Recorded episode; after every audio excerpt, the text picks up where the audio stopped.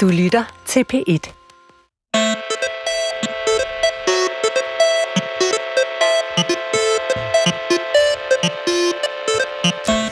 Mennesker er vi dog alle galer Hugo til sin forstokkede far Adolf Levin.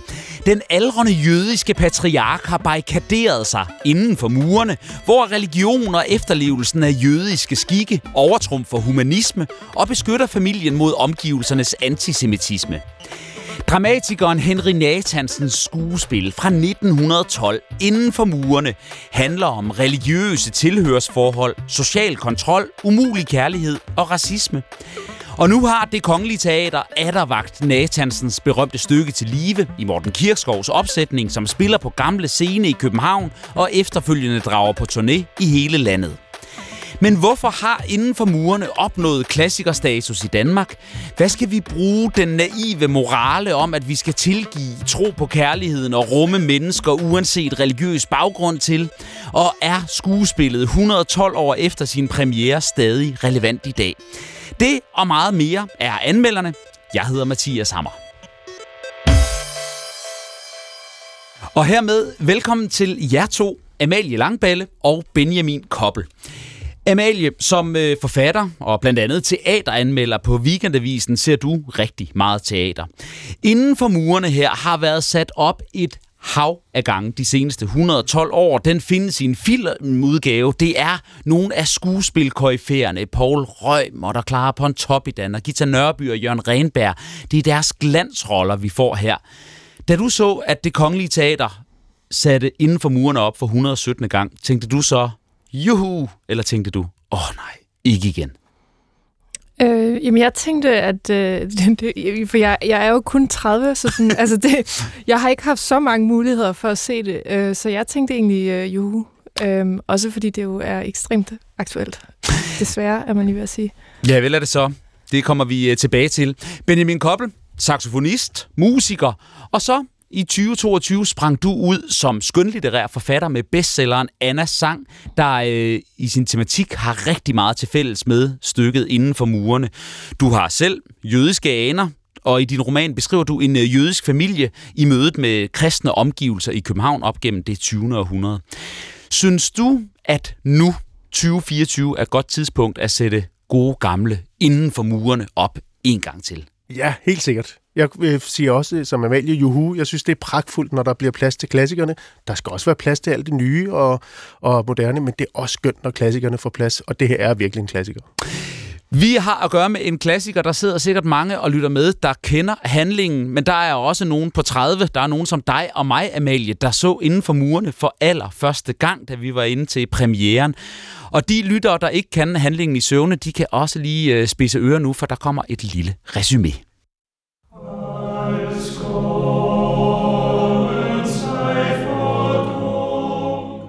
Hos den jødiske familie Levin ånder alt fred. Det er fredag aften, sabbaten står for døren, og familien er samlet om kødbollesuppe. Bodil Jørgensen spiller Sara Levin, moren, der velsigner brød og vin i en bøn foran to tændte lys. Der er stille på gamle scene i det kongelige teater i København, for det er flot, og bønnen er måske for mange velkendt, uden vi helt forstår, hvad det er, der bliver sagt på hebraisk. Dog er familiens yngste datter, Esther, ikke kommet hjem til sabbat. Det viser sig, at hun har forlovet sig med sin professor, den kristne Jørgen Herming, der forsker i jødisk kulturhistorie. Og det er et problem. For Hermings far har engang nægtet Esters far, herr Levin, spillet af Jens Albinus, et lån i banken. Alene fordi han var jøde. Det sætter alle under pres. For hvad betyder det for familien Levins jødiske identitet, at deres datter vil lade sine fremtidige børn døbe? Og hvad sker der med os inden for murene, når den moderne verden udenfor indhenter os?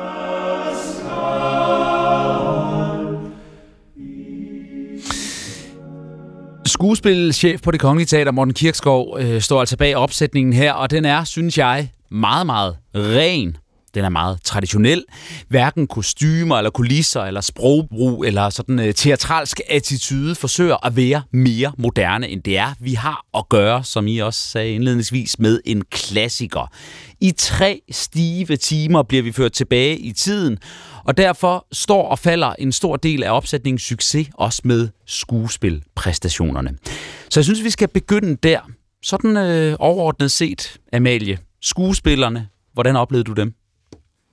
Jeg synes jo, Jens Albinus i rollen som, øh, altså vel nærmest hovedrollen som øh, den gamle Levine, Mhm. mm-hmm. er altså uovertruffen. Eller sådan, jeg synes, han var enorm. Jeg, jeg, kunne, jeg kunne enormt godt lide at kigge på ham, øh, og høre på ham, og øh, den der fornemmelse af, at altså, det, det er så sjældent, man ser en skuespiller, hvor at han kan stå helt stille, ikke sige et ord, og han er bare, og han siger bare, altså, og der bliver stadig bare spillet med alt, han har. Mm. Det, det synes jeg faktisk var lidt, øh, lidt ærefrygtindgydende. Er du enig, Benjamin? Ja, fuldstændig. Jeg synes, at uh, skuespillerne gør det fantastisk. Jens Albinus især er jo, træder jo frem, fordi det er jo hans karakter, som bærer forestillingen og bærer hele det gamle patriarkat øh, på sine skuldre og, og bliver udfordret af, af datteren Esters historie og, og hendes valg. Ja. Men han er forrygende. Han går fra at være øh, totalt patetisk og, og øh, selvynkende til at prøve at øh, sætte sig igennem og til at prøve at forstå og reflektere, og så alligevel hele tiden støde panden imod øh, en mur øh, fra fortiden, Ja. der gør, at han ikke kan komme med, med videre. Men så lad os lige drage den første konklusion her. Det kan vi alle tre blive enige om. Altså, det er virkelig en, en glansrolle for Jens Albinus. Det må Hold da op, en kraftpræstation. Overfor ham står Bodil Jørgensen, der spiller øh, Øh, Adolf Levins hustru, Sara Levin, som jo også på en eller anden måde skal være et bindeled mellem sin, sin øh, mand, de gamle traditioner, og så sin datter, der vil noget andet med sit liv og er forelsket og forlovet i kristne Jørgen Herming. Og som jo på den måde kan være en meget mere kompleks karakter, synes jeg. Og vel også gør det fremragende. Hun gør det fantastisk, og, og det er jo en mere kompleks karakter.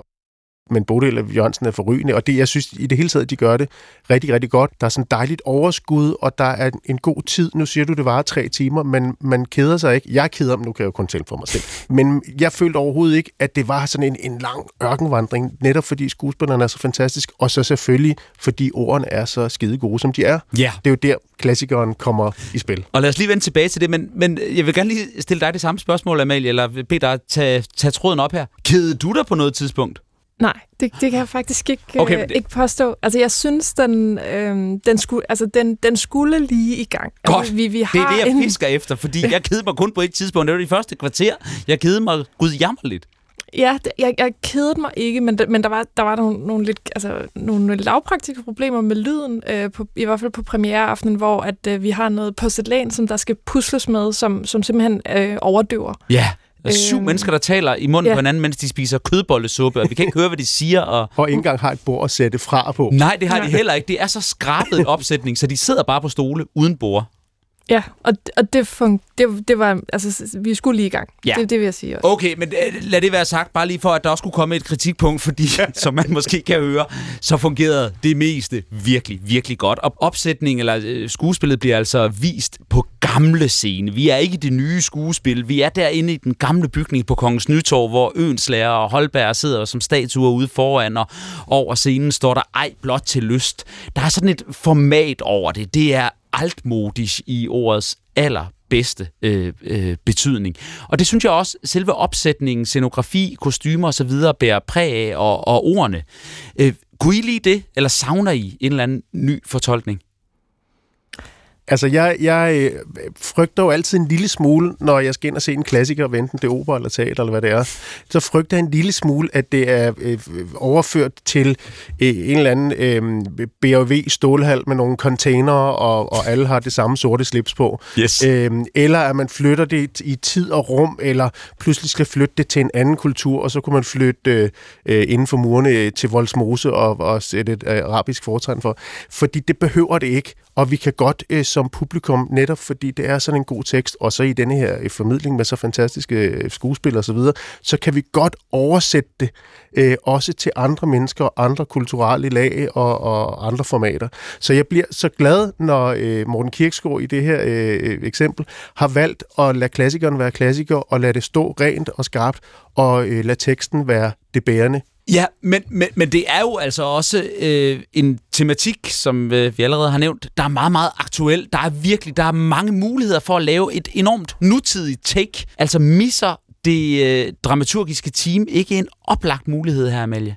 Altså, jeg, jeg kommer til at, at, at, at være lige så gammel som, som alle andre her i studiet, og simpelthen, ja. og simpelthen giver ret i, at jeg synes, jeg, jeg er helt enig i, at det, altså, når man hører teksten og, og ser forestillingen, så behøver man det overhovedet ikke.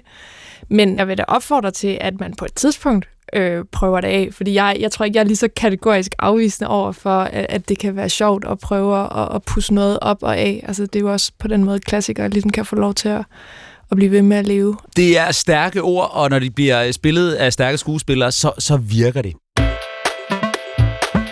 Benjamin, som øh, nævnt, så har du øh, skrevet romanen Annas sang, ja. som, øh, som jo virkelig har mange lighedstegn øh, med øh, inden for murene.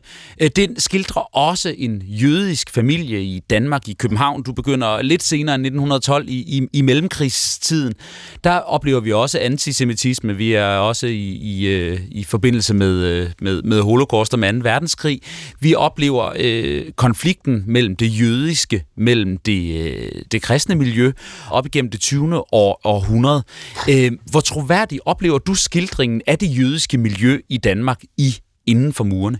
Jeg oplever det som utroligt troværdigt. Altså, øhm, det er det der skisma eller paradokset imellem at netop holde fast i traditionerne og så forsøge at, at, at se fremad, øh, er helt klart en, en fuldstændig troværdig skildring, sådan som jeg ser det med mit kendskab til det, og som jo også er en del af min egen families fortælling, som jeg har taget udgangspunkt i mm. i min roman Anna Sang.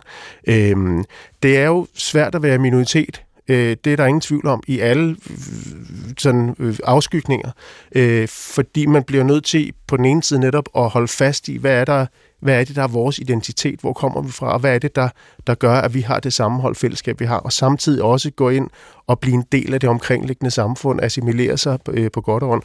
Altså eksempelvis min farfar øh, var pianist og komponist, Herman mm. D. Koppel, han mm-hmm. var egentlig født med navnet Chaim, men det var for mærkeligt for jødisk et navn, og derfor fik han hurtigt navnet øh, Hermann, for netop at kunne blive en del af det danske samfund. Det er bare sådan en, en, en lille markør, øh, og dem er der jo masser af hele tiden, som man skal forholde sig til som minoritet, både i fortiden, men også i nutiden. Øh, og det kan også, som måske ikke er minoriteter, indimellem have svært ved at se. Altså hele øh, stykkets øh, grundkonflikt er altså, at den jødiske datter Esther forelsker sig i den øh, etnisk danske kristne Jørgen Herming, som er søn af etatsråd Herming, som øh, er i øh, som Adolf Levin, Esters far, har det meget vanskeligt med, fordi hele Herming-familien har afvist Levin-familien og ikke vil hjælpe dem alene, fordi de er jøder. Og vi har lige et lille klip fra øh, forestillingen, hvor netop denne etatsråd Herming fortæller om, hvordan han oplever jøder i Danmark. Men det er nogle gange sådan, at de er de fremmede, og bliver de fremmede. Og selvom de så erhverver sig alt, hvad man kan få af respekt og magt og penge osv., og så, videre, så er der noget mellem dem og os. Ja, der er noget mellem dem og os. De er og bliver de fremmede. Det er øh, grove løjer. Amalie, hvad er inden for murenes morale? Jamen, jeg synes jo egentlig, at, øh, at slutreplikken, som, øh, som, jeg, som jeg burde kunne citere, fordi den, den er ret ikonisk, men, men som jeg desværre lige blanker på, øh, indeholder jo håbet om, at, at det kan glide mere problemfrit. Mm, øh, ja, jeg tror for, for den jødiske minoritet i Danmark. Jeg, jeg tror, det er, øh, det er Sara, altså øh, øh, den jødiske mor, Esters mor, der slutter af med at sige noget i retning af, Herre, lad mit barn blive lykkeligt. Ja, men Levin har en, en replik, som, som også går på, jeg har engang hørt fortalt, at hvis bare hvis bare vi var bedre til at dele, så var der nok til ja, alle. Hvis vi delte ja. alle ressourcerne, så var der, var der nok til alle.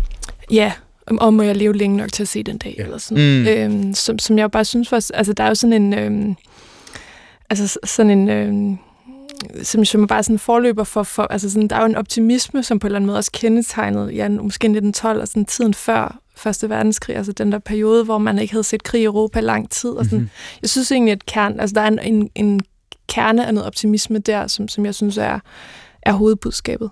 Ja, så du går opløftet derfra med, med, med en fornemmelse af en optimisme i, i de her fastlåste konflikter. Det, det tror jeg var meningen, altså man skulle ja. gøre i 1912, men, men når man så jo ser det så mange år senere, og man kan konstatere, at, at det var ikke lige sådan, det blev, øh, så er det jo noget andet, øh, helt klart. Øh, jeg, ja. har, jeg har et andet citat, som ligger i tråd med det, øh, hvor øh, Hugo har samtale med sin far. Hugo er, er, er, er storbror. Søn, ja. ja. Øhm, øh, en af sønnerne, som, øh, og, og faren siger, men tror du da, at alting bliver bedre? Og ja, jeg tror, alting bliver bedre engang. Altså den der øh, konflikt mellem at have håbet for fremtiden, og så i virkeligheden ikke turde håbe på fremtiden, det synes jeg er sådan en ret vigtig pointe, øh, når vi taler moralen i, i stykket. Og den giver ikke nødvendigvis svaret, og det er måske også en af grundene til, at det er en klassiker. Altså fordi man kan faktisk blive ved med at stille det spørgsmål øh, til sig selv og hinanden, generation efter generation. Tør vi tro på håbet? Øh, nu har vi klimakrise, mm. katastrofe lurende om hjørnet. Tør vi tro på, at det nytter, at vi bliver vegetarer, eller vi holder op med at flyve. Ja. Øh, altså alle de overvejelser er jo noget, man, man tager med sig ind. Øh, nye generationer, nye problemer, men vi får altid midt mellem os alle sammen, en, øh, er det vigtigt at have en, en samtale, en diskussion om, tør vi håbe, og hvordan formidler vi det her håb ud i, øh, til at blive realiteter? Den køber jeg, og jeg, jeg, jeg er helt enig med jer i, det, det er jo det der moralen, og den, den optimistiske del af det her. Øh, er meget, meget smuk, men er, altså undskyld, jeg spørger, kan det ikke også godt blive sådan lidt John Lennon-agtigt? Imagine all the people living a life in peace. eller hvad? Altså det... det er jo hans største hit af en grund. Det er jo også en klassiker. Fordi vi har jo brug for det der håb. Vi har jo brug for, at kunsten i alle mulige forskellige afskygninger viser, øh, at der er et håb, og også balancerer alt det forfærdelige, der sker omkring os hele tiden. Der er forfærdelige krige og ulykker all around, og vi har simpelthen brug for at få balanceret det der onde. Øh, vi har brug for at få vist et håb derude, og der er kunsten måske, det er det måske det, den viser sin mm. vigtigste øh, betydning. Jeg så øh, Claus Rothstein skrev i øh, Weekendavisen en foromtale af, af Inden for murene, hvor han skriver, hvor naivt og banalt det end kan lyde, og inden for murene er banalt, brændende og banalt, så kan ingen bestride det sande i det banale. Lad os bare kalde det godhedens banalitet. Amelie Langballe, er det godhedens banalitet, der, øh, der, der, der kommer øh, til ord i inden for murene? Ja, det er det. Altså, det, det er det måske. Øhm... Men jeg ved ikke, om jeg... Altså, det, jeg, jo, jeg, selvfølgelig kan man, kan man snakke om, at budskabet er banalt, men altså, det, der jo sker, er, at Esther, øh, hun bryder jo sådan set med Herming undervejs i stykket, uden at vi måske skal sådan, altså, øh, spolere hele handlingen. Ja, det skal vi ikke, men det er 112 år gammel klassiker, så vi ja. må formode, at, at, at det ikke er helt groundbreaking, hvad der, hvad, der, hvad der sker inden for murene. Nej, øh, men, men det her øh, brud, der sker, som, hvor man jo kunne tro, at nå, men, men så lukker så lukker familien om sig selv igen, fordi at, at antisemitismen var for stærk, og, mm. og nu må vi, nu må vi holde, holde, altså nu må vi ligesom holde fast som familie. Det, kunne, det synes jeg på en eller anden måde har været mere banalt, fordi det, der sker, er jo, at Jørgen erkender, altså hendes øh, forlovede, erkender sin, sin fejl, og tager, sin, øh, altså tager sådan set sin fordom på sig, og siger undskyld, at jeg, at jeg har prøvet at ændre på dig, Mm. Øhm, det, vil, det vil ikke ske for fremtiden. Altså, det er jo sådan cirka det, han siger. Øhm, som jeg også synes ikke er, det synes jeg ikke er banalt. Det synes jeg faktisk er ret øhm, spændende og ret sådan menneskeligt og, og mere interessant netop, end hvis vi har også den her karakter, der hedder Maja, som på en eller anden måde mm. det jødisk, altså den, den, det jødiske ægteskabsalternativ til Esther. Det havde været mere banalt, hvis hun kom, kom tilbage i familiens skøde, og så var det hende og Maja, ikke? Jo, Øhm, så, så, så sådan dramaturgisk synes jeg faktisk ikke, det er så banalt. Altså, det er jo bare hyperaktuelt. Jeg formoder, at da det kongelige teater besluttede at spille inden for murene i den her sæson, det er, det er vel minimum et år, og sikkert også længere tid siden, ja. og det vil altså sige, det er lang tid inden 7. oktober og øh, Hamas terrorangreb i Israel og den efterfølgende krig i, i øh, Gaza. Og vi kan se, at det jødiske samfund i Danmark hvert år kortlægger øh, og øh, opgør antisemitiske episoder perioder i Danmark, og siden 8. oktober sidste år har de bare oplevet en meget, meget voldsom stigning. Øhm, formår stykket her at, at forklare folk, som, som ikke kender den her frygt indgående, hvad det er, der er på spil for familien Levin? Øh, altså, den giver i hvert fald et, altså den her forskning giver et enormt godt billede øh, og, en, og en masse øh, gode ord, som man kan tage med sig og reflektere over, og som jo hele tiden hvad skal vi sige, kan være med til at udfordre os både som individer og som samfund på vores empatiske formåen. Mm. Øh, og måske er det det, vi også har brug for øh, kunsten til netop at blive bedre hele tiden komme ud i kanten af vores empatiske formåen og kunne inddrage og inkludere og forstå de mennesker, som vi umiddelbart ikke tror, vi har så meget til fælles med. Men lad mig lige kaste over til dig, Amalie. Altså, er du, er du grundlæggende enig? Er der stof til eftertanke? Gør det her os bedre til at forstå en virkelig kompliceret og ubehagelig konflikt, som, som har varet for evigt, føles det som? Man kan sige, det er, jo, det, er jo, det er jo skrevet på et tidspunkt, hvor at staten Israel ikke som sådan fandtes. Mm. Så, så, så man kan sige, lige den her konkrete konflikt, det ved jeg ikke, om man kan snakke om, men jeg synes da, og siger uden på nogen måde selv at være en minoritet eller noget som helst, øh, så synes jeg da, at den i tale sætter, hvad det vil sige at stå uden for det store fællesskab. Og det gør den rigtig fint, og der er der, der var mange tidspunkter undervejs, hvor jeg tænkte, altså hvor jeg vidderligt sad og altså spurgte mig selv, at den, kan vide, om det her er altså, altså lige tvistet til, altså den her replik, kan vide, om den er tvistet til lejligheden, Ja. for, at, for, at vi, for at den ligesom føles ekstra aktuel. Mm-hmm. Øhm, og min fornemmelse er, at det er det ikke. Altså Nej, sådan, det tror jeg heller ikke.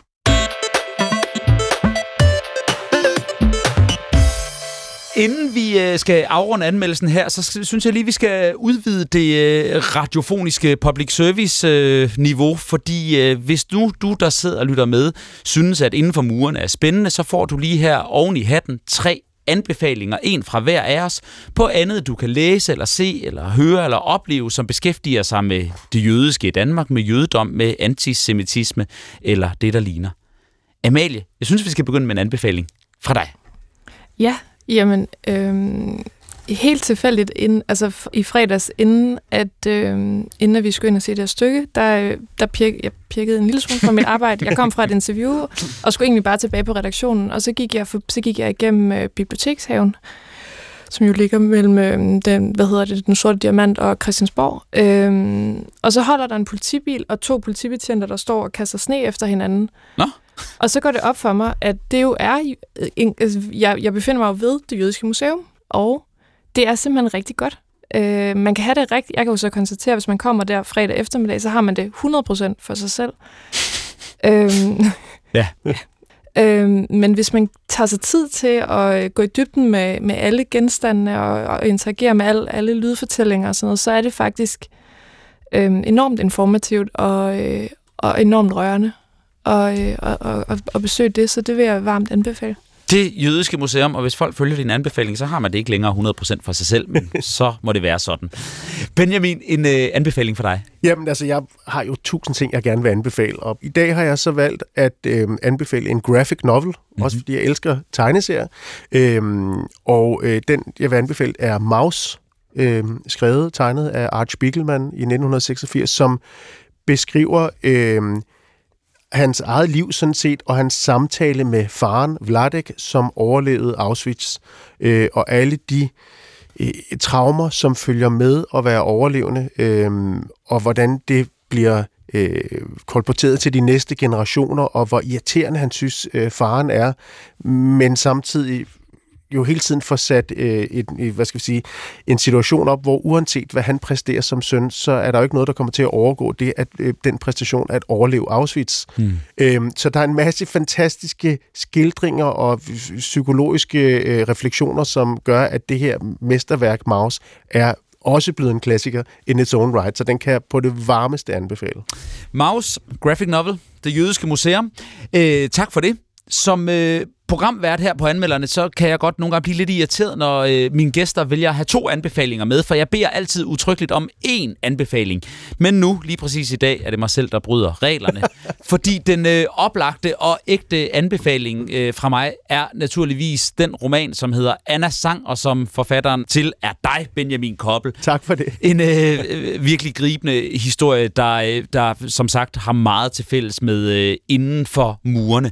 Jeg har bare det problem, at jeg har anbefalet Anna Sang i et tidligere program for et par måneder siden. Så det går ikke at gentage sig selv, så jeg skal helt undlade at nævne, at jeg mener, at den er obligatorisk at læse, og i stedet så skal min anbefaling være en tv-serie, som jeg mener er obligatorisk at se, nemlig den serie, der hedder Jøde, som øh, det er vært Sanne Sigal Ben Moyal lavede i 2008, om at være jøde i Danmark, om det religiøse ophav, om antisemitisme, om frygt i vores omgivelser i Danmark i dag. Det er øh, virkelig noget, der giver stof til eftertanke, og Jøde kan ses på DR TV. Og sådan, med tre anbefalinger, så skal vi ganske kort afslutte øh, anmeldelsen af Inden for murene Henry Nathansens skuespil på det kongelige teater. Jeg vil egentlig gerne stille jer begge to det samme spørgsmål. Øh, Inden for murene bliver konsekvent omtalt som en klassiker. Vi har også selv gjort det i udsendelsen her. Hvorfor har den opnået klassikerstatus i Danmark, Amalie? Jeg tror simpelthen, det er, fordi det er en god historie.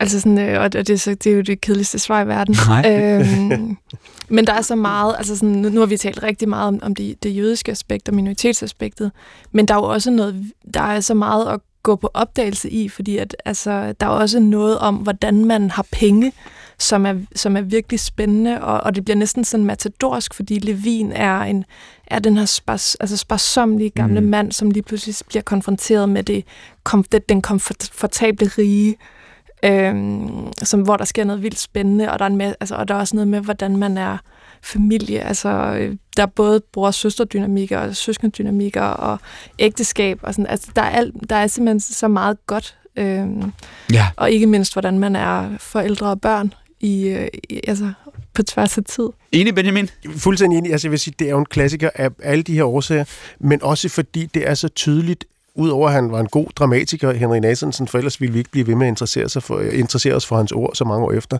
Men så var der også noget på spil for ham, og jeg kan jo i parentes øh, sådan lige bemærke eller indskyde, at der var noget på spil. Han øh, levede til han blev par 70 år gammel og øh, døde i 1944, mm. men tog faktisk livet af sig selv øh, i afmagt over nazisternes fremmarsch. Ja. Øhm, så, så der var noget på spil, og jeg synes, man kan mærke den der passion i hver en sætning, hver en, en frase, og, og historien er god og, og fantastisk fortalt, og derfor er det en klassiker. Og med de ord, så er vi nået til øh, vejs ende for anmelderne.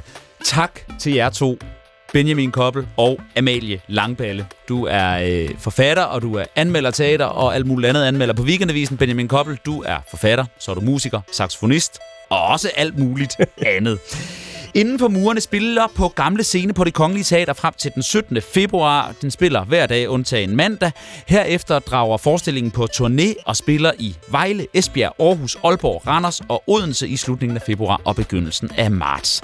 Så længe skal du ikke vente på en ny omgang. Anmelderne vi er nemlig tilbage i næste uge. Og vi, det er i redaktionen Gustav Hagil og Nana Slot. Jeg hedder Mathias Hammer.